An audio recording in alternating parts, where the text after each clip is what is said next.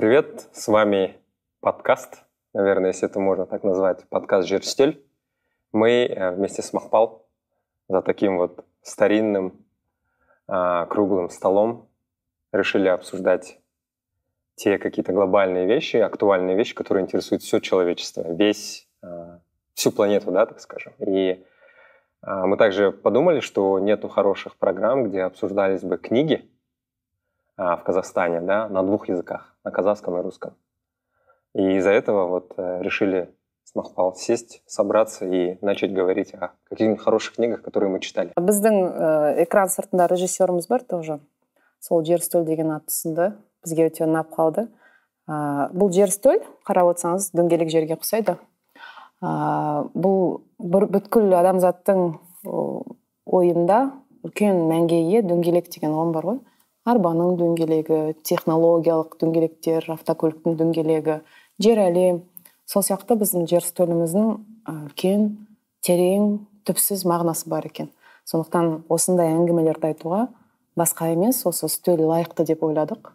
Сондықтан жер үстелге қош келдіңіздер. Да и первая книга у нас не первая да это уже вторая или третья да книга которую мы хотели бы обсудить это солнечный нигилизм вот видите тоже здесь э, есть круг э, присутствует на обложке и э, на самом деле вот после пандемии, когда весь мир, вся планета столкнулась с этой большой заразой, проблемой, да, все начали переосмысливать жизнь. Вообще, зачем мы существуем, что происходит с нами. А я знаю, что многие начали увольняться с работы, типа я не хочу работать, хочу заниматься чем-то, что мне интересно. И из-за этого действительно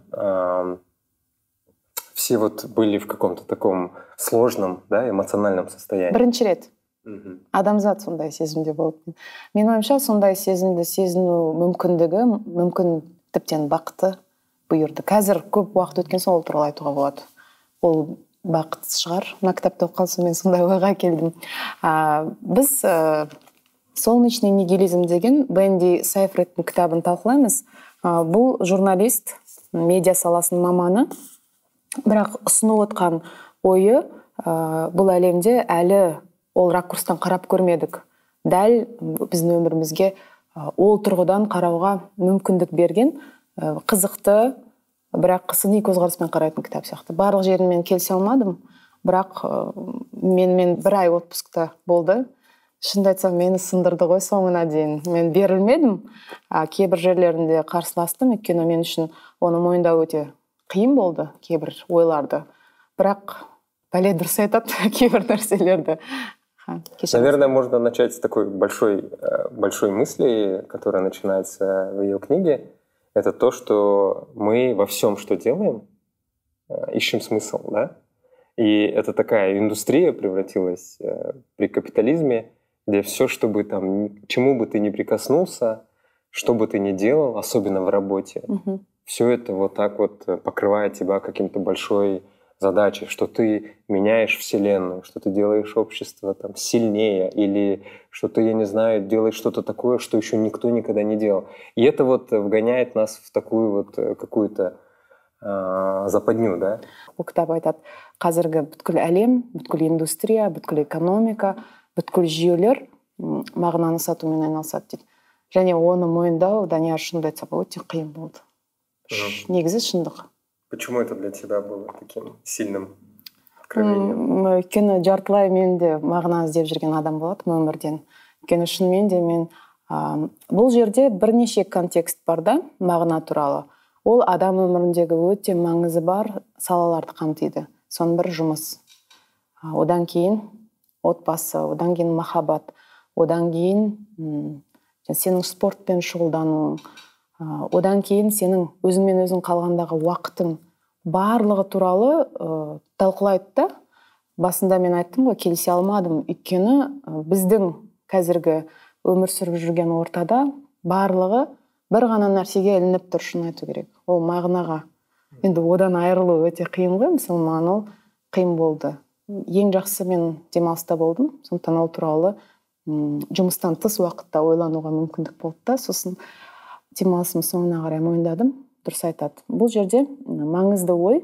Біз жұмысқа барлық өмірімізді беруіміз керек. Түнде электронды почталарды қарауымыз керек whatsapp телеграм тексеруіміз керек бізді ылғи іздеп жату керек. Біз бүткіл әлем біздің біздің айналамызда айналып жүр айналып жүр. Сен бүткіл әлемнің осисің сен шын мәнінде бүгін жұмыс сондай жағдайға алып келеді. Ә, соны ол бірнеше ракурстан қарастырады. Ол саған да ыңғайлы. Өйткені сенің бұл әлемдегі орның үлкейеді жұмыс берушіге де ыңғайлы. Өйткені сен өмірді өзгертіп жатрсың а сен тек қана жай жұмысқа барып жүрген жоқсың сен қоғамды өзгертіп жатрсың шын мәнінде жұмыс берушіге де ол ыңғайлы деген позициясы ол да сыни қарап таласуға болады бірақ қарап отырсаң шындыққа жақын екен. Ә, сол сияқты біз қазір сол режимде өмір сүріп жатырмыз. Біздің өміріміздің тоқсан пайызын қазақстан жағдайында жұмыс алады. Сөйтсек ол бізде ғана емес ол бүткіл әлемде екен. Ең жұбататын нәрсе ол бүткіл әлемде болып жатқан тенденция екен. Бірақ пандемия келген кезде шынымен де ә, біз пандемияға қалай кірдік есіңде бар ма? Біз неше түрлі челленджбен кірдік қой есіңде ма? Мысалы мен есімде барлық адамдар тізім жасаған. Осы уақытқа дейін істелмеген шаруалардың тізім жасаған біреу айтқан докторлық диссертациямды қорғаймын біреу айтқан сценарий жасаймын. біреулер өте ә, үлкен жоспармен кірдік. А, бірақ ә, күн сайын бұл нарратив құлай бастады құлай бастады құлай бастады құлай бастады. Сосын адамдар тек өзімен өзі қалды. Сөйтсек олардың бұндай үлкен жоспарларының бұл әлемге ешқандай қатысы жоқ екен. Шын мәнінде оны сезіну менің ойымша барлық адам сол үшін жұмыстан шықты сол үшін бәрін тастады. Ешкім челлендждерді соңына дейін жеткізген жоқ бәрі ұмытып қалды не үшін дүниеге келген туралы. Тек қана ұм, басқа нәрсе қалды қарапайым базалық қажеттіліктер қалды да. Ә, бірақ пандемия біте бастағанда біз қайтадан мағынаны қатты сағындық. Біз қайтадан мағына үшін өйткені адам бәрібір мағынасыз өмір сүре алмайды. Сондықтан да бұл кітап сондай бір бірімен түйісіп отырады да. Бірде келісесің бірде келіспейсің бірде келісесің. Бірақ ащы шындық шынымен де ә, пандемия кезінде біз бәріміз локдаунда отырғанда ұм, жаңағы сенің соншалықты активті өміріңнің бұл қоғамды өзгертуге ешқандай қатысы жоқ екенін. Мы же еще поняли что во время пандемии что действительно очень мало всего зависит от людей, да, что есть э, природа, есть какие-то большие э, катаклизмы, катастрофы, э, которые, ну, которые ты не в силе там либо поменять, либо изменить, как-то там, изменить ход событий. А, мне кажется, вот это вот очень важно, да, вот. И ты правильно сказала, вот этот вот постоянный поиск смысла и во всем видеть смысл приводит нас к тревожности. И вот основная, наверное, ее такой месседж этой книги — это то, что не тревожьтесь. Да, мы во Вселенной вот такие вот маленькие частички. И ты, наверное, недавно видела, я думаю, многие видели, с космического телескопа снимали вот эту вот Вселенную всю. Да, и что вот там Земли, она вообще там крупица. И она вот как в песке одна из маленьких вот этих вот песчанок. И, соответственно, она говорит, что ну, когда ты воспринимаешь жизнь как некую такую бессмысленность, вот почему нигилизм? Потому что это про бессмысленность. Ты от этой тревожности освобождаешься, и ты на самом деле становишься спокойнее. И если ты воспринимаешь жизнь как то, что э, как вот как маленькую частицу всего этого глобальной вселенной себя воспринимаешь, то тогда, э, знаешь, ты легче относишься ко всему ты не переживаешь лишний раз, я не знаю, что там дедлайн да, там, пропустил или вовремя что-то не сказал. Это возможность тебе жить, чувствовать этот мир, быть вот в процессе и э, самое главное понимать, что ты можешь делать из этой жизни, э, из себя то, чем ты хочешь действительно стать, посвятить себя то, что действительно важно для тебя, а не вот загонять себя в работу, там, зарабатывать деньги, я не знаю, что-либо еще. жақсы ой айттың иә осы негізгі мағынасын айтып кетті данияр. Жалпы нигилизм деген сөз біздің әлемде қоғамда біздің ортада ол жаман ұғымдармен астасады.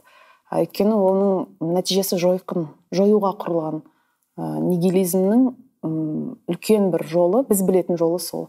Ал венди кітаптың авторы оны сол мағынасыздықты жоюға емес жандандыруға созидание дейді ғой соған жұмсауға шақырады.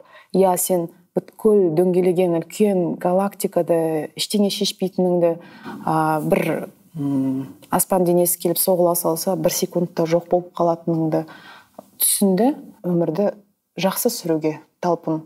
Жаңағы созиданиемен дейді да бұл автордың бір үлкен ойына қосылуға болады. Сенің бұл дүниеге келуіңнің өзінде үлкен мән бар дейді. Сен бұл дүниеге таласпасаң да бұл дүниедегі орныңа таласпасаң да сенің дүниеге келіп қалуыңның өзі осы жер әлемде сөйлеп ауа жұтып осындай ойларды ойлап отқаныңның өзі ол сенің ең үлкен жетістігің дейді. Менің ойымша біз өткен жолғы кітаптарда да талдадық. Бүгін бізге ол өте маңызды. Өйткені қазір біздің барлық құндылықтарымыз жетістікке құрылған. Сен карьерада жетістікке жетуің керек сен отбасында жетістікке жетуің керек сен творчествода жетістікке жетуің керек сен адам ретінде жетістікке жетуің керек сен идеалды болуға күн сайын бір қадам жасауың керек. Және сенің қателіктеріңді қоғам кешірмейді. Өйткені біздегі төңірегімізді қоршаған барлық нарративтар бізден соны талап етеді. Там очень большая есть интересная глава про любовь. Но вот знаешь перед тем как перейти наверное к обсуждению вообще вот с точки зрения солнечного нигилизма что такое любовь там романтические отношения а, можем а, еще раз про работу окончательно. Вот э, даже в жизни вот прочитав эту книгу да вот лично для меня какой был эффект я понял что да работа это всего лишь работа да, это не значит, что ты не должен вкладываться в нее, там, быть профессионалом, да, ты должен, наоборот, там, а, постоянно совершенствоваться, но ты должен к ней спокойно относиться и понимать, что есть жизнь а, там, и кроме работы, да, что есть твоя личная жизнь, есть родственники, есть твое увлечение. И мне в последнее время нравится вот концепция э, двух карьер. Это когда, например, вот первая карьера, первый путь, это когда ты э, работаешь где-то, а, имея там стабильный заработок, да, и реализуя себя как профессионал. Но при этом делать что-то для души, если ты а, не находишь это в своей первой работе, да, и какую-то часть времени, а, денег, тех, которые ты зарабатываешь, посвящать. Да, да, қазір бұл термин ретінде ұғым ретінде кіре бастады да и а, не надо чувствовать себя несчастливым работая на работе мне кажется проще к этому относиться но и все равно уделять какое-то время то, что тебе действительно интересно. И мне кажется, вот эта книга помогла мне тоже переосмыслить это. Біз қазір жұмысқа барсақ, қазіргі жұмыс міндетті түрде адамдарды шаршатады. Сен шаршаған сайын үлкен нәрсе істеп жүргеніңді сезінесің. Сен қаншалықты шаршайсың, сен соншалықты бақыттысың. Өйткені сен керексің қоғамға, әлемге. Сол керек болу сезімі адамдарды одан бетер жұмыс істеуге алып келеді. Бұл жерде жазылады, шектен шыққан шаршау ол валюта дейді. Сен жатасың сен өзіңнің қаншалықты қажет екеніңді сезініп ұйықтай алмайсың дейді. Қазіргі проблема физиологиялық адамдардың миы өшпейді дейді.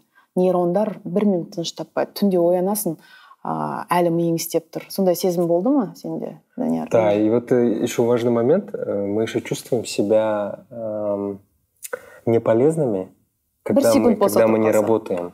Угу. Да, вот мне кажется, большая э, тревожность у нас вызывает, когда мы, например, отдыхаем. Знаешь, э, я думаю, у многих из нас, у нашего поколения есть это чувство, что вот чуть-чуть ты отдохнул, и ты чувствуешь, что ты бездельник, что ты вот э, обязательно, я не знаю, на тебя вот кто-то смотрит и говорит, вот ты ничего не сделал сегодня. И мне кажется, это тоже проблема в целом всего нашего мира, общества, э, которую мы как бы переживаем постоянно. физиологиялық ерекшеліктер сен міндетті түрде шаршайсың сен ылғи шаршап жүресің. Бірақ сен м ал экономикаға ол өте ыңғайлы.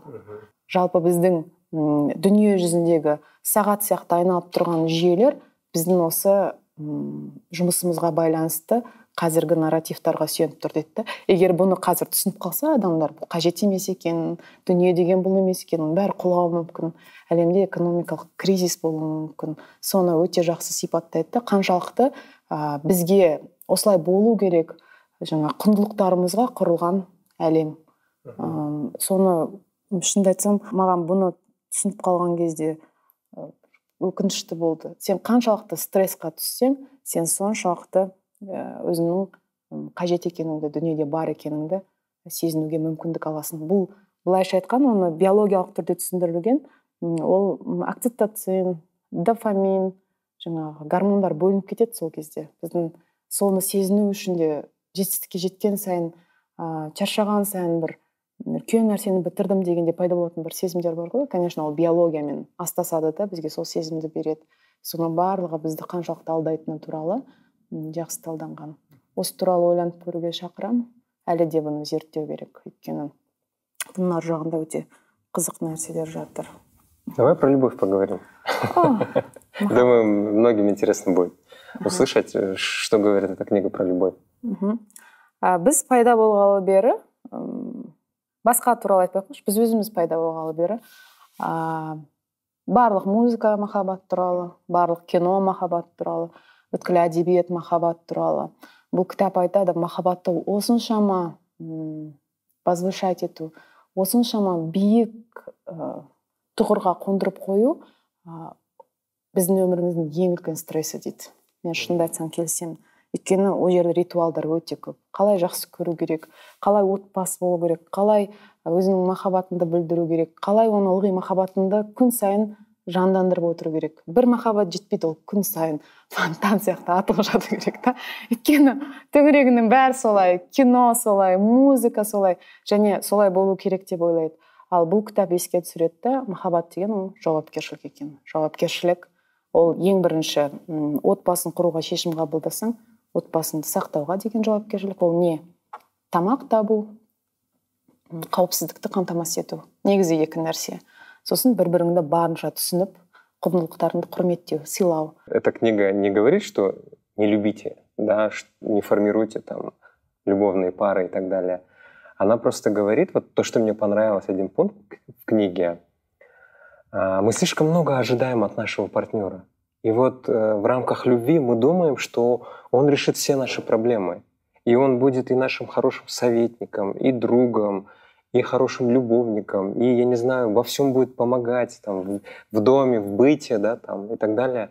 И эта книга говорит, что э, надо к этому относиться тоже, на самом деле, спокойно, да, и э, все, вот весь смысл любви не переносить на любовные отношения, что вы как отдельные личности можете развиваться, да, помогать друг другу развиваться как отдельные личности там, и так далее. И вот второй момент, и мне кажется, можно применить на казахстанское общество, в особенности.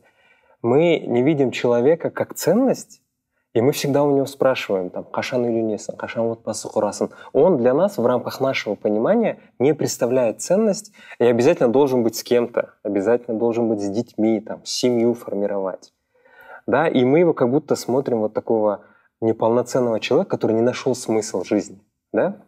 Как ты думаешь? бұл кітапта бұған былай жауап береді да ә, грек мифологиясынан бастайды зевстердің заманынан ол кезде адамдар дөңгелек болған екен сосын төрт аяқты болған енді. Аяқ па қол ма әйтеуір төрт мынандай тіреліп тұратын заты болған. Сол өте бақытты болған екен.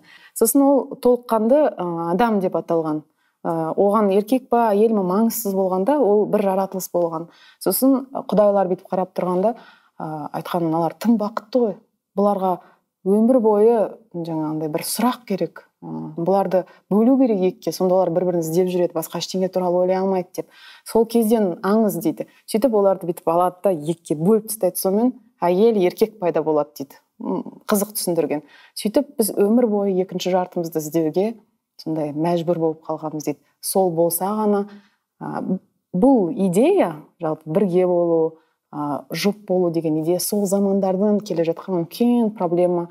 Үлкен мәдениет үлкен дәстүр біз одан қашып құтыла алмаймыз. Да что мы что мы должны найти смысл когда мы найдем вторую половинку да? Вот это вот получается идея она очень глубоко сидит вообще в истории человечества в истории да? человечества да потому что өйткені сен оны тапқанда ғана сен бақыттысың. Шын мәнінде біздің қоғамдағы үлкен проблемалардың бірі бізде де махаббаттың жолындағы кез келген қатыгез әрекет кешіріледі.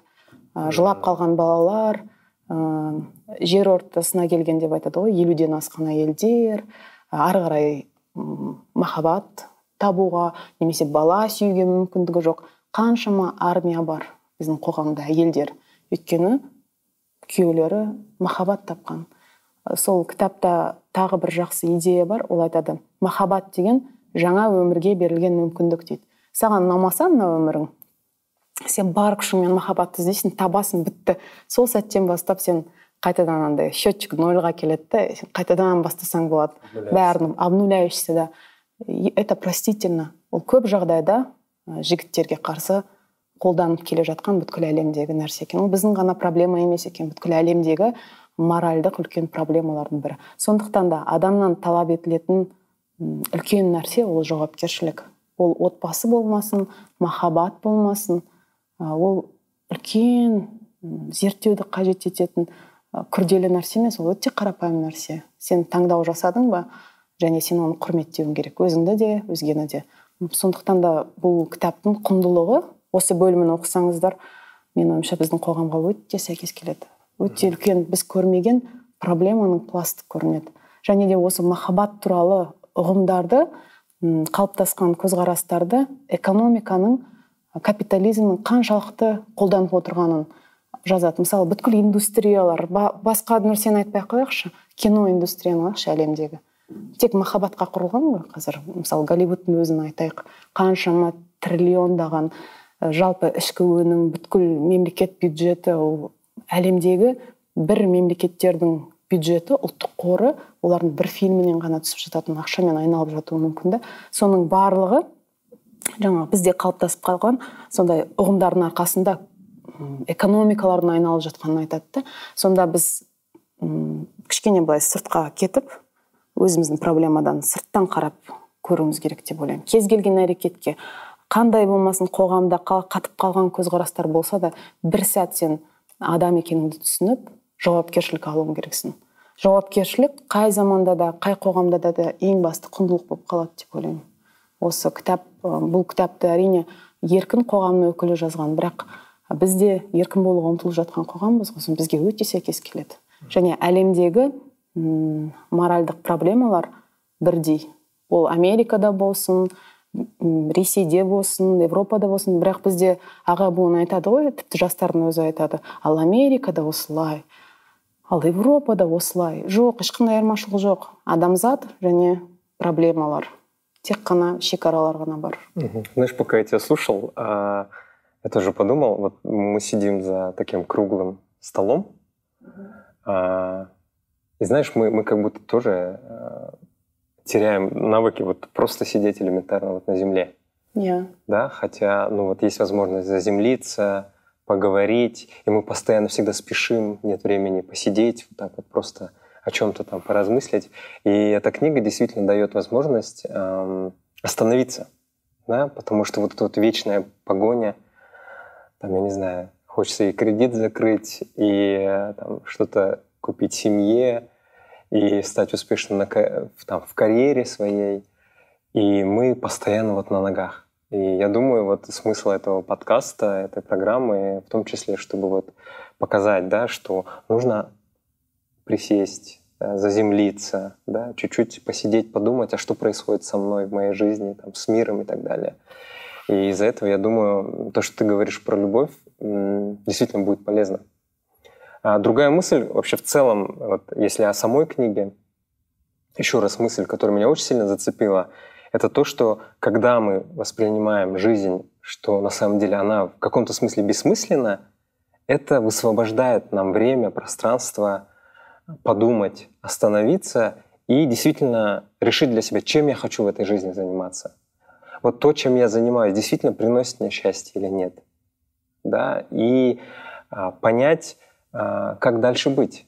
Да? И переосмыслить свои отношения с партнером своим, с работой, с творчеством, да? с карьерой и так далее. Так что хорошая книга, советую еще раз почитать. Я думаю, мы покажем да, ее, а, чтобы люди тоже остановились подумали. Өте дұрыс айтасың данияр бірақ маңызды нәрсе махаббат бар және ол мәңгілік ондай бар ұғымдарды жоққа шығарып жатыр деп ойламау керек. Бірақ махаббат болмаса ол кемшілік емес қателік емес екенін түсіну керек. Бұл жастар үшін өте маңызды деп ойлаймын. Өйткені мен білемін қаншама қыздар махаббат жоқ болып кеміс сияқты сезініп жүр. Рухани өзінің орнын таба алмай жүр. Бір махаббатқа бола. Өйткені қоғамның барлығы оған жанаши қарайды. Отбасы жоқ махаббаты жоқ. Ол бір байқұс деп иә. Ол ондай ауыр жүкті көтеріп жүру жастар үшін көп уақытын жоғалтуы мүмкін.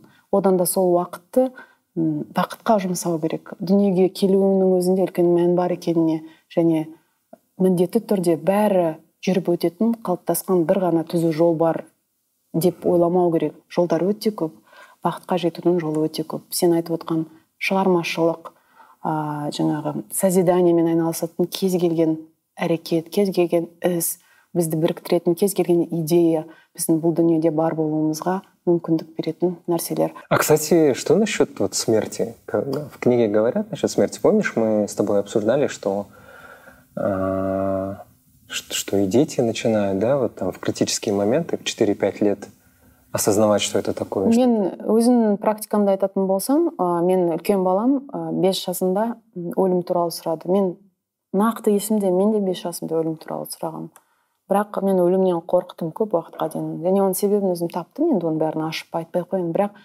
балаңыз бес жаста өлім туралы сұраған кезде оған өте дұрыс жауап беру керек. Әйтпесе ол өлімнен өмір бойы қашып жүретін болады. Ештеңені мойындамайтын болады. Көптеген психологиялық проблемалар сол өлімге байланысты ә, сұрақтарға жауап таба алмаудан басталады. Яғни өлім деген не деп сұрайды? А, бір ата ана айтуы мүмкін. Бітті өмір бітті. А бала айтады онда мен не үшін дүниеге келдім? Және ол ол сұрақты ата анасына қоймайды ол оны түнде ойлайды ұйықтаған кезде. Не үшін мен бұл дүниеге келдім? Жалпы нигилистік ойлар сол кезде басталады дейді бұл жерде. Бұл мен өзім мысалымды қосып отырмын. Шын мәніндегі сондай ойлар ол кішкентай кезде басталады. Осындай базалық сұрақтарға өте жақсы жауаптар болу керек. Және адамдар бұны кішкене тағы дінмен байланыстырады бұл кітапта. Дінге үлкен тарау арналған бірақ біз ол тақырыпқа бармай қоямыз деп өзіміз келістік қой. Бірақ бұл жерде м кейбір жалпы діни ә, ұстанымдар бұл уақытша қоныс екенін айтады да. Жер уақытша бір аялдама сен келесі әлемге барасың. Және де осы ұғым да теріс көзқарастар тудыратынын айтады да уақытша болса көп жауапкершілік алмайсың бұл уақытша. Өйткені сен одан да күшті бір өмірге барасың. Бұл ә, дайындық генеральный репетиция бұл жерде жүргенің. Шын мәнінде қоғамда сондай пікірлер белең алып жатқанын мойындайсың ғой. Қазір барлық адам ана дүниеге дайындалып жатыр ана дүниедегі күшті болады сол жақта болады. Кез келген әрекетті жасағанда соны ойлап тұрады да ана дүниеде осы үшін қазір мен жауапқа тартамын екен. Менің ойымша осы кездегі әрекетің үшін жауап беру керек. Алдымен ана дүние туралы ойламас бұрын соны осы кітапта жақсы айтады. Кез келген дін кез келген діннің жаңағы бұл жаңа уақытша ғана дайындық ә, позициясында өмір сүруге мүмкіндік береді дейді. Және оны өзінің тұрғысынан жоққа шығарады. Бұл өйткені мына автордың өзінің діни ұстанымдарына байланысты өйткені оның мамасы ә, дінге өте берілген адам болған. А, бұл сондықтан да менің ойымша қызда дінге деген сұрақтар көп туындаған. А, ол айтады да қызық жері бар ницше тіріліп келіп менің мамамның қонақ бөлмесінде отырса айтушы еді. Қайтадан көміңдер мені жерге көміңдер деп. Өйткені ол барлық сұрақтың жауабын сол өзінің шағын ғана діни көзқарасынан тауып алады дейді. Артық сұрақ қойса ол айыптайды дейді. Және біздің қоғам шынымен де солай бөлінген өте үлкен нәрсеге. Сол дін туралы ал бірақ айтқым келгені өлім туралы ә, өлімге деген сергектік деген ұғым бар бұл жерде осы кітапта маған ұнаған. Ә, оның идеясы мынандай сен күн сайын өлімнің болатынын ұмытпауың керек. Ол біздің де дінімізде бар өлім деген хақ деп айтады ғой. Бірақ ұм, сондықтан да кез келген сәтте бұл дүниеде жоқ болып қалуың мүмкін екендігін сезініп жүрсең сенің өміріңнің құндылығы арта түседі сен көбірек сыйлайсың. Сен осы сәтті көбірек бағалайсың. Өте жақын адамыңа үлкен бір махаббатпен қарайсың өйткені сен оны ертең көрмеуі мүмкін сені машина қағып кетуі мүмкін. Ал менің ойымша біз сол сезімнен айырылып қалдық. Қазір біз м соңына дейін ренжітеміз соңына дейін ренжиміз соңына дейін разборка жасаймыз. Ол разборкалар ғасырларға созылады. Өйткені біз ойлаймыз біз жерде өмір бойы мәңгілікке өмір сүрдік деп.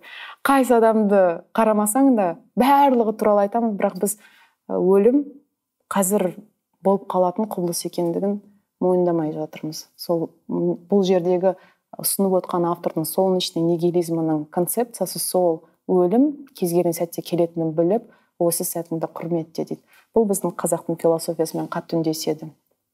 Бізде айтқан ғой өлмейтін өмір жоқ сынбайтын темір жоқ дейді. Үйден шыққанда соңғы рет көретіндей болып кет ә, сен күліп жүр ә, артыңнан ешқандай мәселе қалдырмай кешірім сұрап жүр деген сияқты философия біздің дала философтарының бәрінде болған. Қайда барсаң да сен проблемадан құтыла алмайсың. Сен тоқтауың керек оны шешуің керек. Сол сияқты идеялар біздің ішімізде бар ол. Сондай таныс болып көрінеді қорқыт алдынан шығатын сияқты сезім болады. Ол сезім ұнайды маған. Бірақ мен оны кейін аңғарып жүрмін. кейін талдап көп нәрсені оқыған соң а бізде осылай еді ғой неге мен осыған қарамаймын деген сияқты сол өзіміздің философияға да мне кажется в этом наверное и второй какой то более важный смысл нашего подкаста что мы обсуждаем идеи которые как бы э, написаны да больше чаще всего зарубежными авторами, но пытаемся понять э, через них, через какие-то их идеи, что происходит в нашем современном казахстанском обществе. И я полностью поддерживаю тебя, потому что мы должны э, сформировать свою собственную позицию. Да? Что значит быть современным казахом и современным казахстанцем сегодня? Да. Угу. Хочется, да. Я, я надеюсь, этот подкаст, э, это наши беседы с тобой тоже будут полезными, чтобы кто-то другой э, тоже смог э, сформулировать да, какие-то ответы на наши проблемы современности, которые мы как общество переживаем. өйткені біз ол проблемаларды талдап талқылап осындай кітаптарға айналдырмасақ біз ол проблемалардан ешқашан құтылмаймыз. Нағыз қорқыттың көрі сол болады. Ол сұрақ біздің күн сайын балаларымызға қалады. Біз білеміз ғой кез келген проблема балаңа ғылыми түрде де сезімдер қалады. Сондықтан да соның бастауы болса деп шынымды айтсам армандаймын. Да я одну цитату записал а, ее которая как бы меня очень сильно зацепила. Нигилизм стал для меня откровением пространством где я наконец смогла вздохнуть спокойно да вот снова же про то что э, ну, мы должны слишком сильно не тревожиться да спокойно относиться ко многим вещам. Бірақ нигилизм туралы айтып кету керек деп ойлаймын тереңірек мысалы неге біздің осы жиырмасыншы ғасырдағы көп оқырманға камю ұнайды сартр ұнайды? Оқыдың ғой оларды. Мысалы сартрды мен оқыдым маған ұнады ол. Неге ұнайды?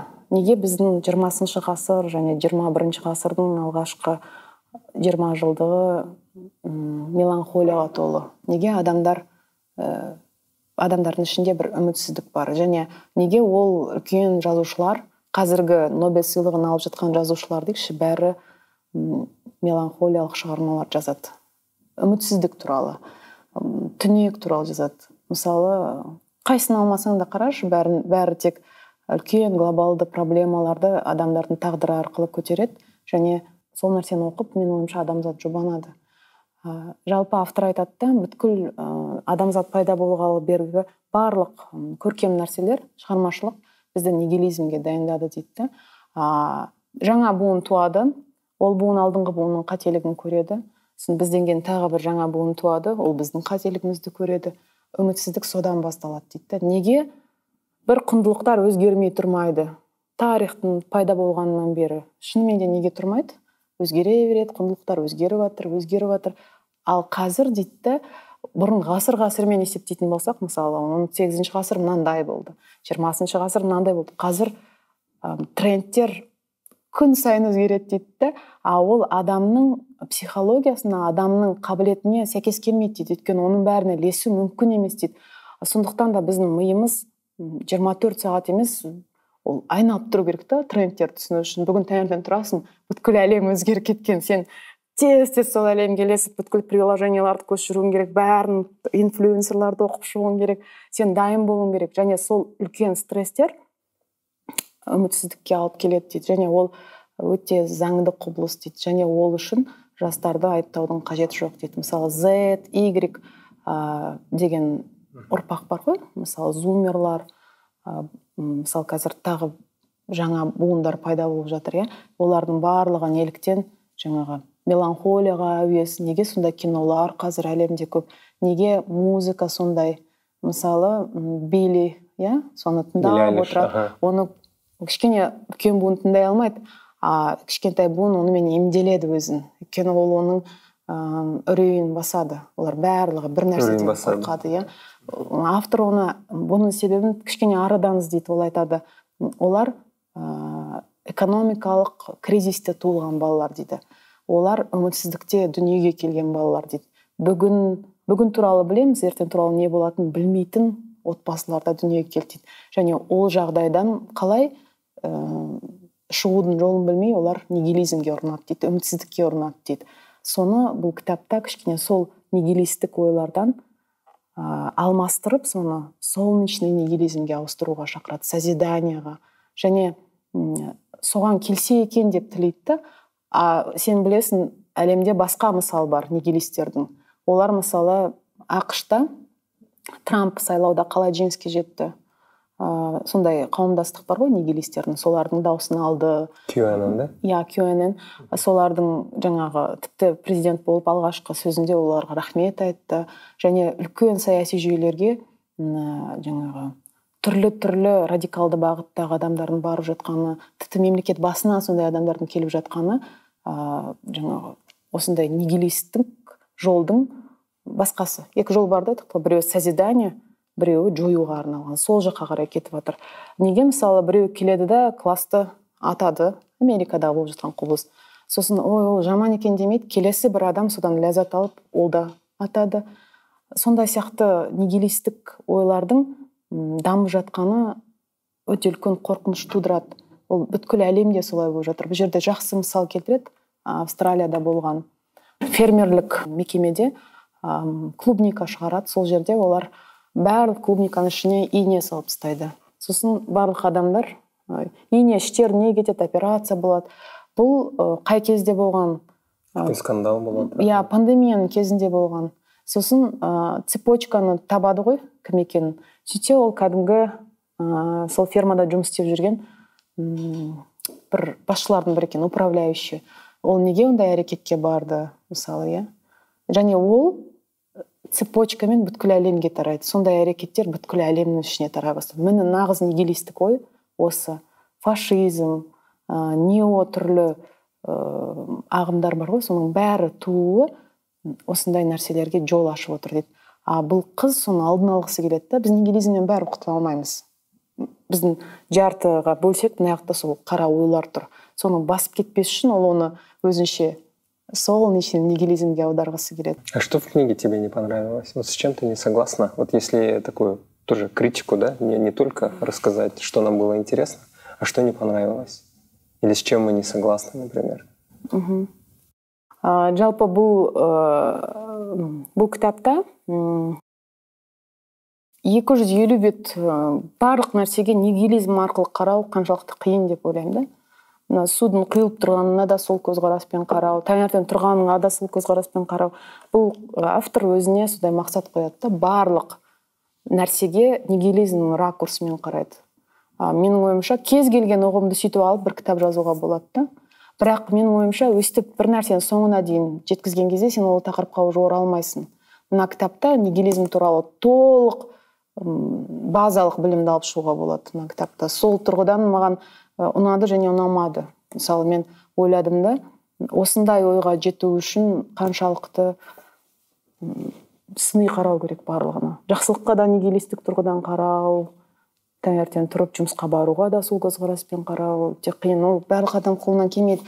Бұл кітап оның осы идеясы массаға шығады деп ойлайды да. Бірақ бұл массаға ұсынатын идеяға айналмауы мүмкін осының ішіндегі бірнеше ой ә, жалпы әлемге тарауы мүмкін ал жалпы нигилизм солнечныйға ауыса алмайды өкінішке орай бірақ автор жас сондықтан оған сенеді правасы бар және біз еркін әлембіз сондықтан да болу керек деп ойлаймын Хорошо, наверное, не будем всю книгу пересказывать. Да. Чтобы люди почитали. Я думаю, угу. тоже Какие-то идеи, чтобы для бірақ бір нәрсе туралы айтайықшы ә, менің ойымша бұл автор бізбен замандас біздің көзқарастарымыз өмір сүріп жатқан уақытымыз жасымыз ұқсайтын сияқты қай жылы туылғанын білмеймін. Юная да. Да. Молодая аха. Сол жерде бір нәрсені айтты да. Wellness индустрия туралы. О бізде қазір қатты дамып жатыр ғой. Әрбір адамның жеке инструкторы бар коучтары бар. Коучтар туралы айтпай ақ қояйық біздің айтып отқанымыз сенің адам болуыңның тағы бір көрсеткіші сол қауымдастықта болу. Егер сен ода болмасаң қазір бізде жүгіретіндер көп иә? Биологиялық активті қосымшаларды ұсынатын сосын смузилар ішу бүткіл. Былайша айтсам шынымен де сол кезде мен түсіндім да оның индустрия екендігін. А мен ойлап келіппін ол рухани қажеттілік деп. Басқа ракурстан қарауға мүмкіншілік берді сол проблема. И, и быть несчастливым вот э, тоже часть индустрии да? Которая да. тебя ведет к wellness экспертам ты чувствуешь что ты несовершенен ты чувствуешь что вот ты я не знаю неправильно питаешься тебя пытаются вот со всех этих рекламных роликов показать, что есть стандарты красоты, что есть быть успешным. И ты постоянно в тебе вот эту вот идею, напряжение, что ты чувствуешь, да, да, да, что ты не идеален, что ты вот не такой, как э, вот все эти красивые люди. бірақ сен кішкене сондай нәтижеге жетесің де сен бақытты боласың сенің Ол да, валюта. как будто что ты достигнешь счастья да вот да. если будешь таким. Және бұл кітапта это большая иллюзия да, да. Бірақ маған оның ә, денені сауықтырып өмір сүруге үндейтін идеясы ұнайды. Қазіргі болып жатқан трендтер. Бірақ оған да сыни көзқараспен қарау керек екені және үлкен бір экономикалық индустрияның құрбаны болып кетпеу керек екенін және де сен таңертең тұрып спорт ә, тренировкасына бармасаң сен адам емессің деген сөз жоқ.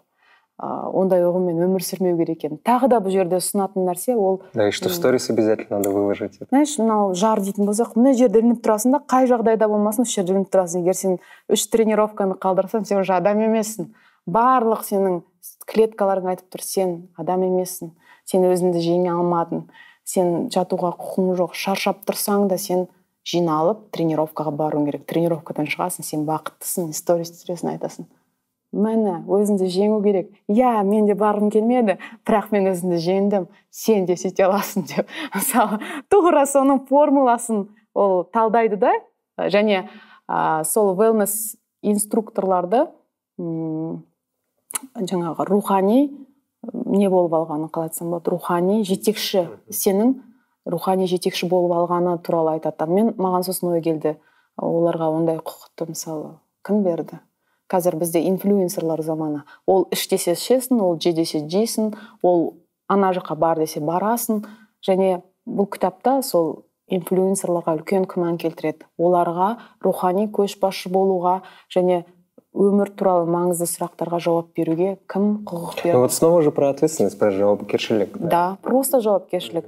Мысалы ол ә, диплом алған психотерапевт емес бірақ ол психологиялық үлкен тренировкалар жүргізіп жатыр. Сегіз мың жүз мың адам отыр. Қазақстанда болып жатқан жағдайларды айтып жатырмын қалай отбасын сақтап қалу туралы үлкен ә, мастер класс өткізіп жатыр жүздеген мың қазақтың ауылдарының әйелдері отыр. Кім саған ондай құқық берді?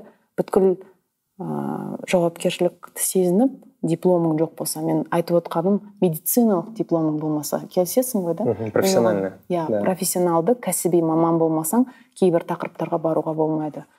Көп көп жағдайда менің ойымша біздің қоғамда болып жатқан құбылыстар біз ойладық қой бізде ғана болып жатыр. Бізде ғана осындай тұлғалар бар деп мамаситалар бізде ғана бар деп ойладық. Сөйтсек бүткіл әлемде ондай құбылыстар туып сол толқынмен бізде де болып жатыр екен. Бірақ әлем оған өзінің протестін білдіріп кітап жазып жатыр да.